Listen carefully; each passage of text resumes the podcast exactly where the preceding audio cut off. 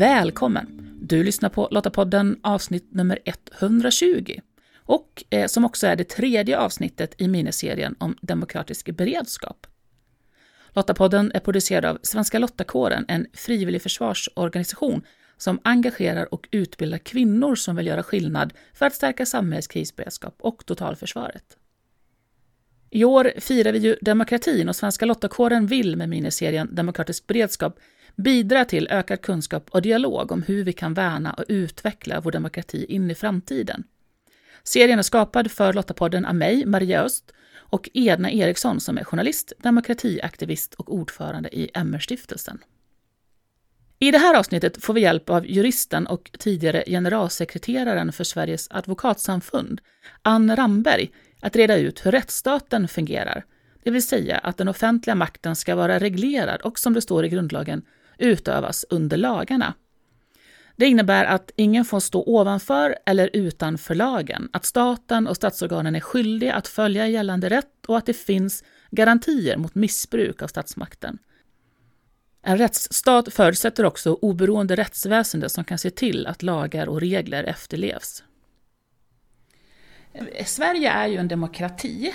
Men, men alltså vad innebär det egentligen? Alltså, det vill säga, vad krävs för att vara en demokrati? Läser vi regeringsformen så står det ju inte uttryckligt, vi är en demokrati. Eh, nej, men att vara en demokrati det innebär ju förenklat uttryck, att, ehm, vilket framgår av regeringsformen, att eh, all offentlig makt utgår från folket. Men sen står det ju samtidigt att den offentliga makten ska utövas under lagarna.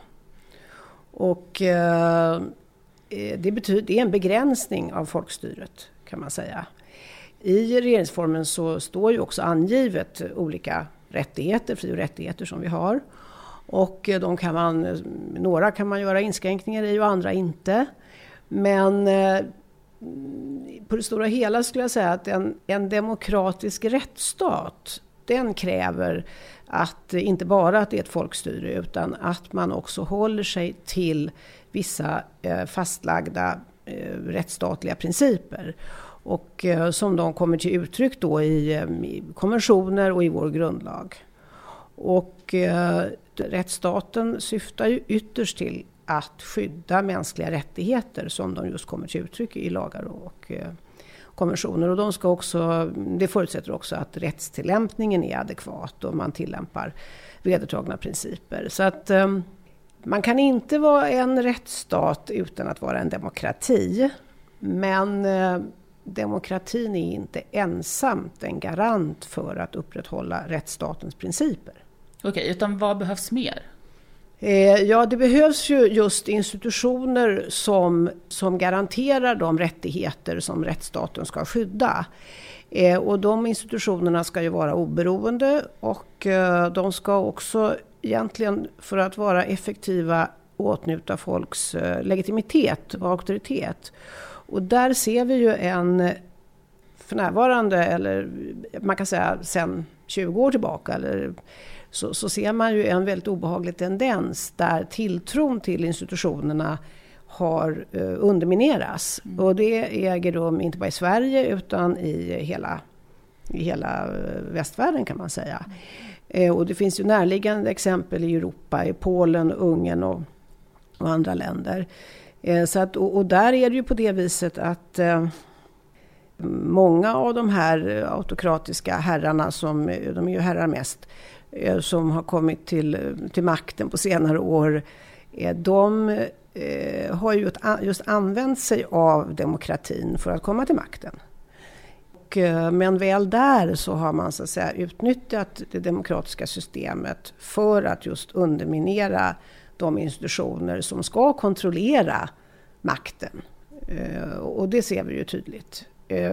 Och det gjorde Hitler också. Han kom också till makten faktiskt inom ramen för det demokratiska systemet i Tyskland. Mm. Och hur står sig den svenska rättsstaten då? Alltså vi, Sverige, vi är ju bortskämda i en internationell jämförelse och eh, i alla sådana här mätningar som görs årligen i, av olika internationella institutioner så är ju Sverige, om inte ett, alltså två eller något sånt. Vi har eh, oberoende institutioner och vi har en väl fungerande de, de, demokratisk rättsstat. Det måste man säga. Eh, men det innebär ju inte att allting är perfekt. Eh, och eh, vi har eh, problem också i Sverige eh, på olika områden. Eh, eller i vart fall saker som kan bli mycket bättre. Eh, så att man får liksom inte luta sig tillbaka utan rättsstaten måste man försvara varje dag eh, faktiskt. Eh, för att annars så riskerar man att, man får aldrig ta den för given. Mm. Eh, det har vi nog kanske gjort eh, lite granna. för det, det, tror jag man kan säga att efter eh, Berlinmurens fall 89 så där, då var ju och det kalla kriget tog slut och, och då var folk så hopp, förhoppningsfulla.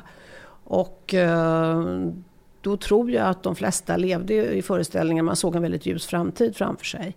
Det har ju gått i princip tvärtom och antalet demokratier idag är ju färre än vad det var för, för 15 år sedan. Eh, även om jag tror att det är ungefär 55 procent av alla världens länder är demokratier. Men det är en eh, stor andel människor som idag lever i eh, icke-demokratier. Mm. Och den andelen är mycket större idag än vad den var bara för 15 år sedan. Mm. Och du nämnde ju det här om att vikten av att rättsväsendets institutioner är oberoende. Hur säkerställer vi det då? Det gör man ju genom att man har en lagstiftning som gör det svårt att, ehm, att, att ändra på det. Och där har vi en del saker som vi faktiskt kan göra bättre. Ehm, vi i Sverige så kan ju, med den eh, lagstiftning som vi har idag, som är tillkommen då i en ljus tid när vi trodde på det goda samhället så att säga. Så är det ju så att eh, man kan ju idag med ett extra val emellan på ett och ett halvt år kasta ut hela regeringsformen egentligen. Mm. Det vet jag inte om folk riktigt har förstått. Och det tycker jag är ett skrämmande perspektiv i ljuset av det, den utveckling man ser i Sverige och i vårt parlament. Nu pågår det ju ett arbete med att stärka domstolarnas makt och sådär. Eller inte makt, men så, oberoende rättare sagt. Och domstolarna, om man tittar på utvecklingen just i Polen, eh, där är ju, eh, det är ju en skrämmande utveckling och eh, där, det går ju stick i stäv med EU, EUs krav. Och eh, som det är idag så är det svårt att kasta ut dem eh, eftersom de har stöd av, eh, i vart fall av Ungern och tvärtom. Men eh, det är ju inte godtagbart att man har ett samhälle som... Eh, för vi har ju gift oss så att säga med våra, de andra länderna som är med i EU. Och hela, hela EU-samarbetet bygger ju på att vi erkänner varandras rättsordningar, alltså att vi godtar dem. Eh, och det är ett rätt långtgående äktenskap som man har ingått där. Eh, men eh, i ljuset av då vad som händer just till exempel i Polen och Ungern och även i andra länder för övrigt, så är det ju en rätt otäck tanke eh, att vi har arresteringsorder och vi har andra som är skyldiga att lämna ut folk utan att egentligen göra någon som helst materiell prövning. Och i Polen har man ju på listigt sätt så att säga undergrävt oberoendet. Och det kan man göra genom allt från att ändra pensionsåldrar till, hos domarna till att utvidga antalet ledamöter till exempel i Högsta domstolen och sådär. Så att, ehm, och det kan man göra här också. Eh, men här pågår ju, här, här finns ju tror jag en rätt stor enighet i riksdagen om det idag. Och det är ju då man ska smida mellan järnet och varmt och innan det har blivit en, eh, samma utveckling här som i andra länder. Men det här då med att makten utövas under lagarna som det står i regeringsformen. Men vad innebär det? Jag tänker på maktbalansen mellan politiken, folkstyret och juridiken. Hur ser den ut? Vad är liksom checks and balances? Ja, den ser ju ut just på det viset att eh, då, man får, domstolarna ska ju vara oberoende och de ska ju döma efter tillämplig lag. Eh, och ehm, politikerna får inte stifta lagar som inte är förenliga med vår grundlag eller med de eh, internationella åtaganden som vi har eh, ingått. Och där kan man ju ställa sig frågan hur det ser ut. För att Eh, Eh, den senaste tidens utveckling är ju, börjar ju snart distansera sig i vart fall från det som jag nog tycker att är grundläggande rättsstatliga krav så att säga när det gäller eh, repressivitet och när det gäller eh, integritetsskydd inte minst som urgröps. Samtidigt så är det ju så att rättsstaten ska ju faktiskt inte bara skydda de här rättigheterna som vi talade om inledningsvis, som är, framgår av våra grundlagar, utan ehm, inte bara regeringsformen utan och tryckfrihetsförordningen och andra, utan samtidigt ska ju rättsstaten också garantera rättstrygghet för medborgarna. Och det betyder att man ska inte, bli, man ska inte behöva bli utsatt för brott och övergrepp. Och i den skärningspunkten så uppstår det ju dilemman som är väldigt svåra att lösa. Var ska den här balansen läggas? Och därför finns det ju också både i Europakonventionen och i vår regeringsform, det finns ju möjlighet att under vissa särskilda förutsättningar göra inskränkningar i integriteten till exempel. Eh, och, och, det är ju det som möjliggör att man inför de här nya rätt uh, omfattande kan man väl säga, uh, tvångsmedlen. Mm. Och att man utvidgar tillämpningen av tvångsmedlen på ett rätt och Eh, omstörtande kanske fel uttryck, men ett rätt dramatiskt sätt om man bara jämför några år tillbaka. Och, och där tycker jag att det är svårt. Eh, därför att eh, och om man ska ha rättstrygghet och, och eh, polisen ska förhindra brott och se till att människor inte blir utsatta för allvarlig brottslighet. Eh, då måste de också ha effektiva redskap för att kunna göra det. Mm. Eh, och idag är det ju så att ehm, de mer avancerade bovarna i samhället, de är ju tekniskt rätt framme. Så att ehm, polisen har ju, går ju, har ju gått miste om väldigt mycket information som man tidigare fick genom telefonavlyssning till exempel. Och då kommer det ju önskemål på, på nya tvångsmedel. Till exempel sån här hemlig dataavläsning som jag tycker är ett oerhört eh, Alltså det är verkligen ett tvångsmedel som är ett paradigmskifte kan man tycka. För det möjliggör ju tekniskt sett att man kan följa eh, oss i, ja, överallt. In på toaletten, i sovrummet, eh, man läser av alla lösenord, alla koder man kan tekniskt sett säga nu, det här kommer inte liksom lagen medge, men rent tekniskt så finns den möjligheten och man kan slå på kameror, man kan bugga hela rum och så vidare. Där en, en stor del av män, eh, människor som inte alls är, är berörda av några misstankar finns. Eh, det är väldigt, väldigt, väldigt ingripande. Och eh, har man väl infört det där, även om man då har omgärdat det av en massa mm, rättssäkerhetsåtgärder i former av kontroll och tillstånd från domstol och så vidare, så är det alltid så att när det väl finns där så kommer det att utnyttjas och det kommer att utvidgas. Så, så ser erfarenheten ut. Mm. Och då, då, då, då, då närmar man sig ju ett obehagligt samhälle alltså eh, någonstans. Men eh, jag, jag måste medge att, att vara politiker idag och fatta de här besluten, det är väldigt svårt. Mm. Det är lätt att, ehm, som, som jag har gjort och, och, som jag i min egenskap av generalsekreterare på Advokatsamfundet har gjort under alla år, peka på de så att säga, faror som är förenade med olika förslag och, och eh, tydliggöra dem. Men vår uppgift har ju inte varit att föreslå lösningen utan vår uppgift har ju varit mer att, så att säga, peka på, på de brister i förslagen. Och det är ju egentligen en rätt enkel uppgift. Den svåra uppgiften är ju att hitta lösningen. Mm. Och uh, därför är det inte lätt att vara, vara politiker idag. Men det ställer ju väldigt höga krav. Mm. Och um, därför kan man, eller jag upplever det som väldigt otillfredsställande när, när, eh, jag vill verkligen inte säga alla, men i vart fall tillräckligt många politiker eh, ropar väldigt högt på, på effektiva medel och på mm, repressiva förslag. Eh, och den, det är en farlig tendens på något sätt därför att eh, då, då till slut bjuder alla över varandra. Och, och då måste man också ställa sig frågan, för att man ska få göra de här inskränkningarna då i, i privatlivet till exempel, så krävs det ju att det är nödvändigt, enligt regeringsformen, att det är nödvändigt i ett demokratiskt samhälle. Uh, och i det ligger ju att uh, det måste vara effektivt, alltså det måste finnas ett behov för det första, och sen ska det ju vara effektivt. Så att man kan inte lösa det här på något annat sätt än genom den här föreslagna åtgärden. Och sen måste det vara proportionerligt. Mm. Och uh, behov är ju ofta lätt att identifiera Eh, effektiviteten är inte heller så lätt att identifiera därför att många av de här åtgärderna som man begär, de är ofta väldigt kostsamma. Och man kommer inte kunna utnyttja dem i den massteknik som, som man då kanske kan befara, därför det kommer man inte ha råd till och då kan man fråga sig, är det då effektivt? Eh, men framförallt så är det ju proportionaliteten, det är ju den analysen mm. som är den knepiga faktiskt. Och Sverige har ju inte en konstitutionsdomstol. Nej. Så hur, hur säkerställer vi då att, att ett lagförslag inte är grundlagsmotstridande? Eh, ja, alltså det är ju så att domstolar och myndigheter har ju att pröva eh, just den omständigheten när de ska tillämpa lagen. Eh, så att man har ju idag en lagprövningsskyldighet ex officio.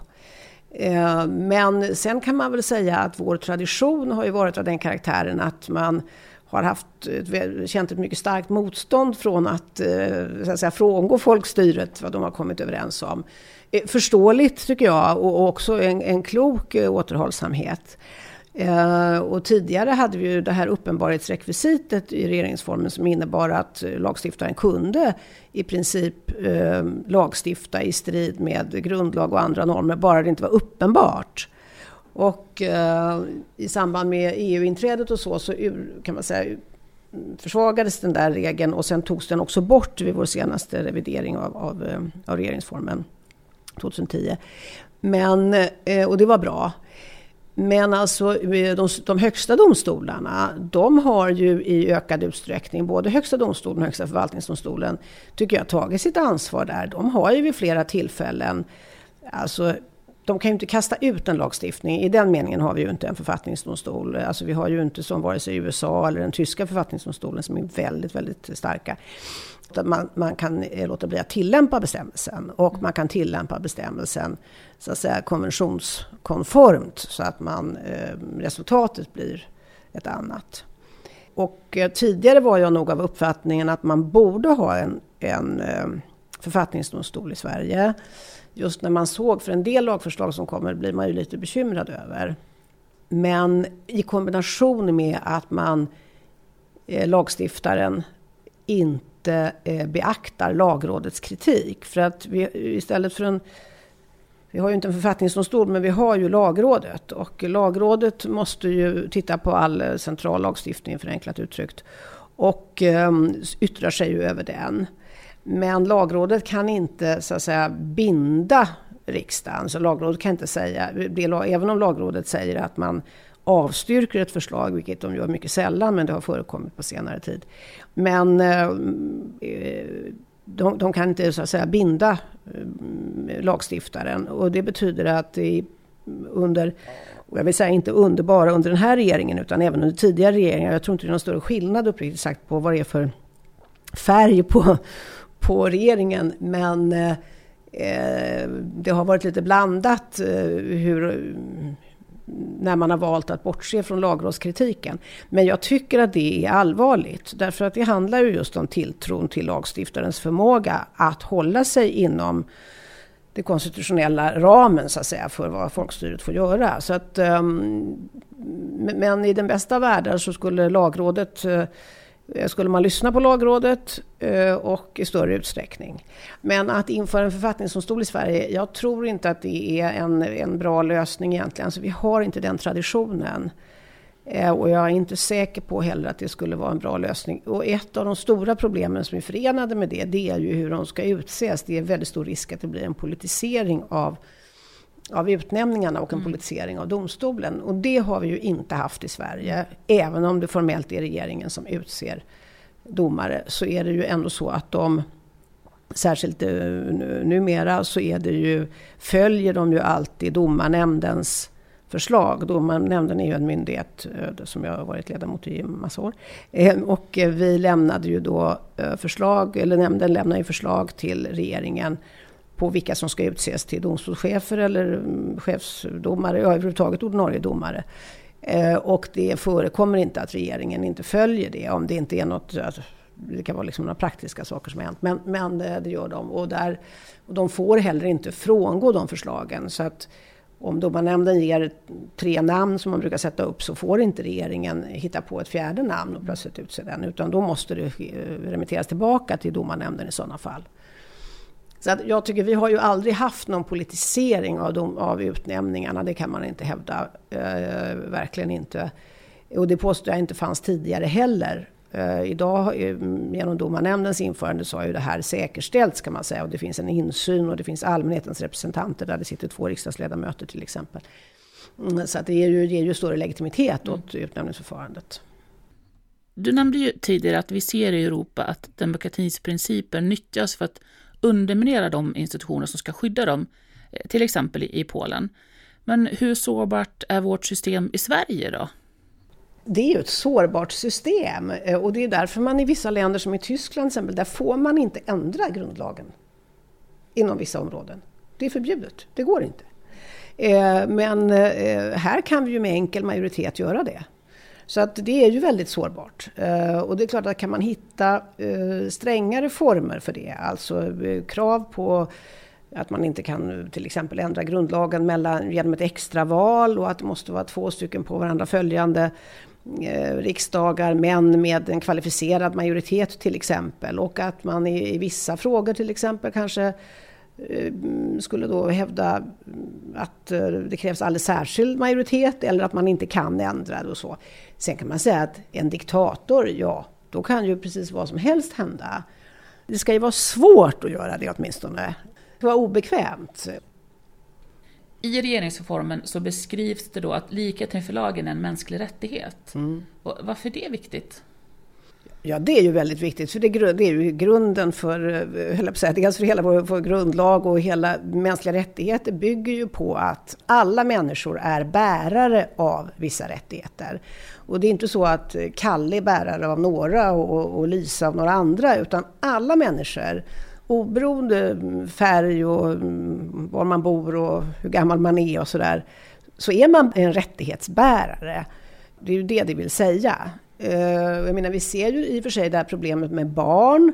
För att barn ses ju inte som rättighetsbärare egentligen i det allmänna livet utan de betraktas ju som en bihang till vuxna som inte har egna rättigheter. Och därför så är jag ju en av dem som är mycket ensam som jurist, men jag tycker ändå att det är bra med barnkonventionen, eh, där att den blir lag, därför att den, blir, den kommer inte förändras mycket i sak tror jag alls. Men, men den sätter fokus på de här frågorna lite grann, att barn är också rättighetsbärare. Och, alltså det anknyter till din fråga, därför att eh, alla människor är rättighetsbärare av samma rättigheter.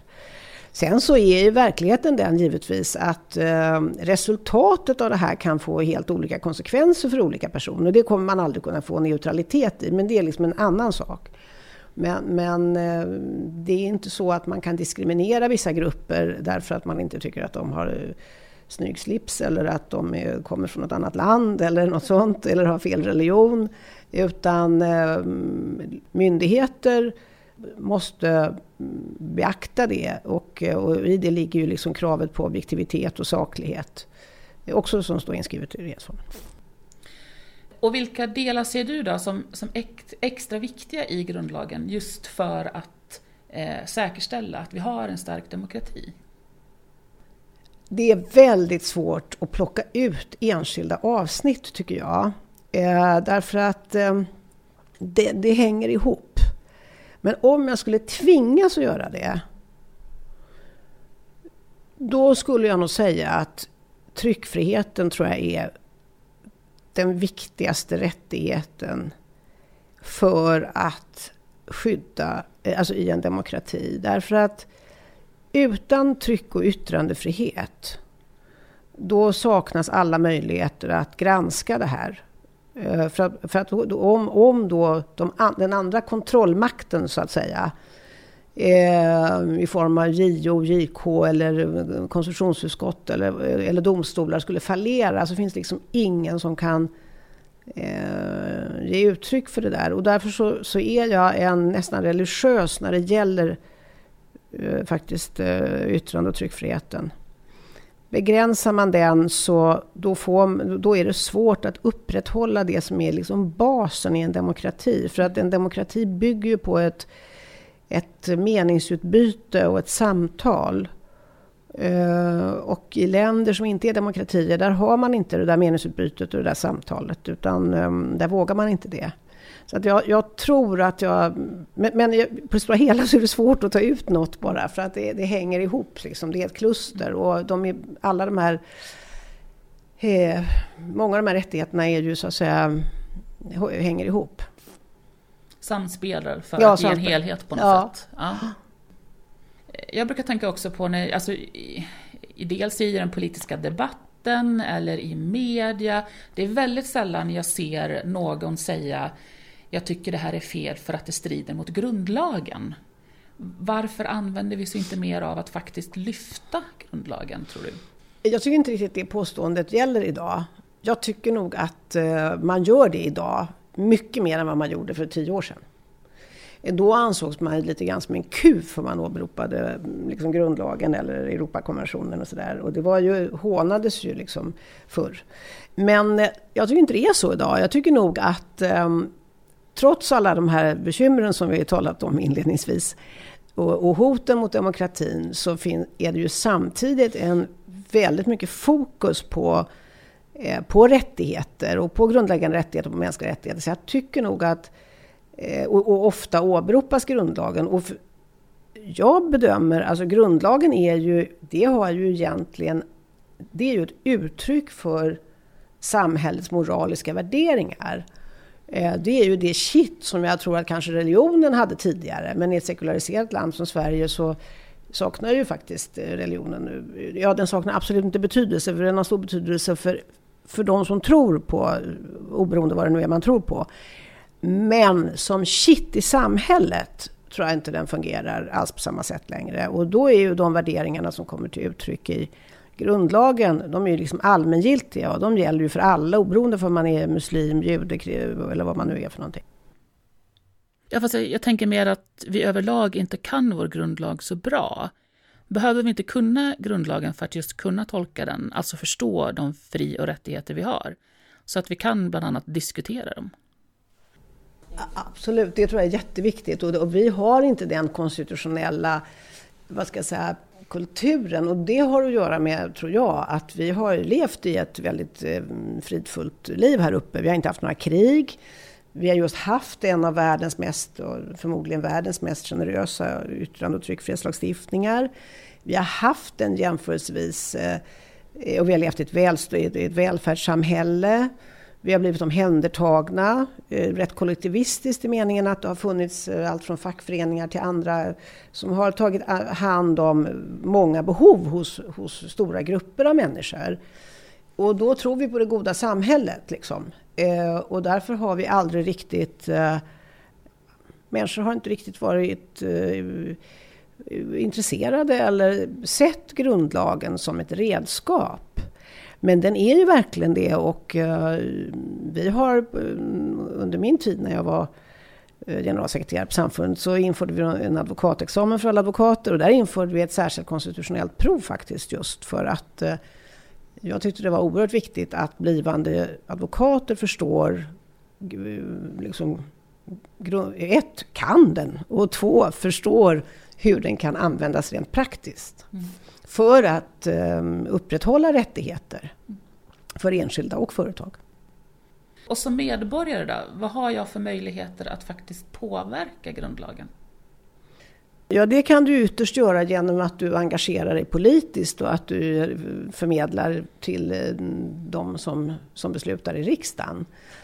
Och det är ju också liksom att debattera det, att uh, intressera sig för det, att, att göra det som du sa, att uh, lära sig så mycket om grundlagen så att man liksom kan ha den som en, en ram så att säga när man diskuterar nya förslag och så. Det är, väldigt, det är en mycket bra utgångspunkt. I en demokrati då, där, där vi kan föra det här samtalet om hur vi ska leva tillsammans och vad vi tycker är rätt och fel. Hur ser du att civil olydnad spelar in i det? Alltså civil olydnad är en del av det demokratiska systemet, påstår jag. Och när jag säger det menar jag att eh, en demokrati eh, måste tolerera civil olydnad. Inte genom att man inte får ta konsekvenserna av den civila olydnaden. Därför att Civil olydnad bygger ju på att man gör sig skyldig till ett lagbrott eller ett regelbrott. Eh, men att man också är beredd att ta konsekvensen av det, att man tar sitt straff. Och att skälet till att man gör det ska ju inte vara någon egen nytta. Det ska inte vara så att man vill få lägre skatt eller alltså är irriterad över en, en enskild åtgärd. Utan det ska ju ha ett övergripande, mer vad ska jag säga, politiskt moraliskt eh, motiv som inte gagnar dig själv utan som är ett, ett högre värde. Eh, och eh, det kan finnas utrymme för det också i demokratier. Men det, här, alltså det är en väldigt svår avgränsning. Var, när tycker man då att man kan göra det? Sen finns ju alla de här eh, som vi kan, klassiska exemplen. Martin Luther King och Gandhi och Rosa Parks och sådär. Som är för oss självklara retrospektivt, eller hur? Men då var det ju inte det. Ja, det finns ju hur många exempel som helst. Men jag menar, väldigt mycket av vår utveckling som har ägt rum inom ramen för demok den demokratiska Sverige också har ju faktiskt tillkommit på grund av civil olydnad. Strejkrätten, eh, suffragetterna i England, alltså jämställdhetsfrågor och sådär, har, bygger i hög, inte frågorna men utvecklingen bygger i hög grad på äh, människor som har gjort sig skyldiga till civil olydnad. Men det är svåra frågor alltså. Det är, men det är alldeles självklart så att äh, civil olydnad, att det finns utrymme för det i en demokrati. Alltså det är ju att det finns utrymme för det i en, i, i en diktatur från moralisk utgångspunkt, det är väl självklart. Jag menar, men visst hade vi väl tyckt att de som angav Hitler, även om det var by the book, för att det var ju så, de, tysk, de tyska lagarna eh, var ju fasansfullt tillkomna i, i, liksom i rätt formell ordning och så. Men eh, de som nu vägrade att följa dem, de gjorde sig skyldiga till brott. Men, men det måste man väl ändå uppfatta som alldeles eh, självklart en, eh, en nödvändig och modig gärning. Borde vi svenskar utöva lite mer civil olydnad kanske? Ja, alltså, jag skulle inte uttrycka mig riktigt så, därför att eh, utgångspunkten måste vara att vi ska följa lagen. Jag tror att det är väldigt viktigt att man håller, så, håller sig till det. Med, eh, det ska vara alldeles speciella omständigheter för att man inte ska göra det. Men jag tycker att vi skulle vara mycket mer, eh, vi är väldigt fogliga eh, och rätt fega. Det är inte bara svenskar, men problemet i, under historiens gång har ju inte varit att människor har varit så givit uttryck för stort mod, utan det beror ju på att de har varit medlöpare genom att inte reagera. Sen kan man också säga att ja, man vet inte hur man själv skulle reagera i en situation när, när väl samhället har kommit att bli så otäckt och, och man står där och man har... Så, så jag menar, det, det, det, är också väldigt eh, knepigt. Men, eh, men det fanns ju, fanns ju under kriget modiga människor som gjorde stora insatser. Eh, så att det finns ju utrymme för det. Mm. Demokratin är ju under stor press i världen och, och även i Sverige. Det, det är det väl ändå ingen som kan förneka idag. Men, men kommer demokratin i Sverige att överleva? Ja, det tror jag. Det måste man tro. Eh, och det måste, för att annars så ger man upp liksom. Man måste tro det, men jag tror att man måste också fundera på, det gäller inte bara den svenska demokratin, men liksom att få demokratin att bli livskraftig. Eh, och möjligen är det så att vi har tagit så mycket saker för givna här hemma. För vi har haft det så bra. Mm. Eh, och nu står vi inför en rad olika mm, problem. Eh, och det handlar ju huvudsakligen om, eh, det handlar om integration. Men det handlar också om att, eh, och då inte bara av utifrån kommande människor utan en integration i, i vårt eget, alltså också av infödda svenskar. Eh, för det finns stora grupper som står utanför och som är ett väldigt stort problem. Eh, så att jag tror att, och det är klart att eh, det ställer krav på samhället. Mm. Och på alla människor. Mm. Individen måste, tror jag, ta ett större ansvar. Vi, man kan inte liksom vara alltför kollektivistisk i meningen att man lutar sig mot att det är någon annan som löser problemet. Utan jag tror mycket på att man engagerar den alla människor som var och en på sitt sätt kan bidra. Vi pratade om rättstrygghet tidigare. Men har vi i Sverige den rättshjälp vi behöver? eller skulle den behöva utvecklas på något sätt? Ja, där måste jag säga, där är vi verkligen, har vi inte skäl att vara stolta. Eh, även om vår eh, eh, rättshjälp eh, möjligen inte är så mycket sämre än vad den är någon annanstans. Men det, man ska, det är ju inget bra argument. Alltså man måste komma ihåg att svenska människor idag, eh, de har egentligen inte möjlighet att få sin sak prövad om man inte har Eh, goda ekonomiska resurser själv. Eh, och det betyder att väldigt stora grupper står utanför. Eh, jag menar hela LO-kollektivet och kvinnor som ofta är mm, lägre betalda och så vidare, de har ju inte möjlighet att få sin sak prövad. Och rättshjälpen har ju inte, alltså den är ju, för det första har den ju gjorts subsidiär i förhållande till rättsskyddet. Och för det andra så har den ju inte höjts på, om det är 20 år eller något liknande. Den är ju, eh, så det är lite, tycker jag, en skam faktiskt. Det är förvånande att det har kunnat eh, få äga rum under så lång tid. Men man har inte prioriterat det. Eh, det är sällan man prioriterar det. Nu, man, nu har man ju liksom börjat prioritera man ju polis och sånt och det är väl bra.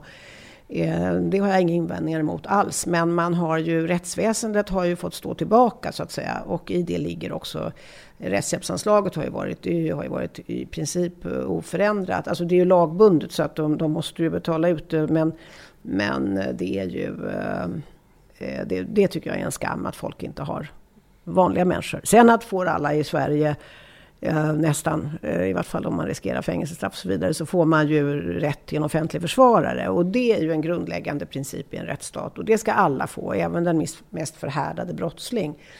Så att, men jag tänker mer på andra, alltså civilmål och eh, indispositiva tvistemål och sådär. Där, där är det ju väldigt jobbigt för, för att rättshjälpen täcker ju eh, väldigt, väldigt lite ska jag säga. Och rättsskyddet också i den delen. Så att där, där är stora grupper faktiskt utestängda. Jag funderar på civilsamhällets roll för att ge stöd och kunskap i juridiska frågor. Eh, som medlem i en facklig organisation så har jag ju visst juridiskt stöd till exempel. Och eh, hur behöver civila samhället organisera sig så att vi kan hjälpas åt att förstå och använda de lagar som faktiskt finns? Det där är en jättesvår fråga som jag inte har något bra svar på. Men det civila samhället eh, har ju en väldigt stor betydelse i idag och ännu större betydelse, särskilt i takt med att, att de vad ska jag säga, resurserna är begränsas hela tiden. Och det kan man också se i många av de länder där demokratin nedmonteras. Där är det första man ger sig på det är ju domstolar och det civila samhället. Det är ju en NGO, om man i Ungern till exempel, där, eh, där straffbeskattar man då alla så att säga, civila aktörer med 25 procent utöver och så vidare. Och i många länder, och i Ryssland, där har man ju förbjudit dem i princip. Så att um, civilsamhället är ju en, en mycket stark kraft eh, och en farlig kraft för eh, auktoritära regimer. Så att det borde man ju kunna, det borde man ju ta, ha, ta nytta av så att säga och eh, engagera sig i större utsträckning. Jag tror kanske att det sker en sån utveckling lite grann. Eh, det är mitt intryck eh, därför att eh, vi har ju inte så god historia av det därför vi har just varit omhändertagna av staten. Vi har inte haft välgörenhetsorganisationer och vi har inte någon liksom riktig tradition att eh, Eh, arbeta på det sättet som man har gjort i väldigt många andra länder. Men det gör vi ju i mycket ökad utsträckning i Sverige också tycker jag. Och det är, det är ett resultat av den eh, att vi lever inte i, en väl, i samma välfärdsstat som vi gjorde för 30 år sedan. Jag har större delen av mitt liv känt mig trygg och litat på att demokratin fungerar och tar hand om sig själv och bevakar mina fri och rättigheter åt mig. Men jag har mer och mer insett att demokrati är både starkt och skört på samma gång och den behöver att vi alla engagerar oss för att säkerställa att våra fri och rättigheter inte urholkas. En del i det är ju att säkerställa att vi har fria och oberoende rättsvårdande institutioner och att rättsstatliga principer genomsyrar alla statens institutioner, inte bara de rättsvårdande. Ytterst så handlar det ju om att skydda våra mänskliga rättigheter. Lästips relaterat till det vi samtalat om i det här avsnittet det hittar du på lottapodden.se. Och om du, precis som Svenska Lottokåren, tycker att fred, demokrati och mänskliga rättigheter är värda att försvara och du vill vara med och göra skillnad för vårt samhälles krisberedskap och totalförsvar, ja men då ska du gå till svenskalottakåren.se. Där hittar du information om hur just du kan göra skillnad. Nästa avsnitt av Lottapoddens miniserie Demokratisk beredskap kan du lyssna på 10 juni och då möter du juristen Stellan Gärde. Jag tror att vi har en, eh, ett underskott som är ganska stort när det gäller både vuxna och barn att förstå hur vi eh, garanterar vår demokrati, hur vi garanterar vår mänskliga rättighet. Och dessutom är det ett enormt underskott på vad den enskilde kan kräva ut ur dessa rättigheter som ändå finns så starkt reglerade. Så om du inte redan gör det, prenumerera på Lottapodden. Då får du en påminnelse när nästa avsnitt finns tillgängligt. Du hittar podden bland annat i Apple Podcast, Podbean eller på Spotify. Och om du gillar Lottapodden, berätta gärna för andra om den och tack för att du lyssnar. Hej så länge!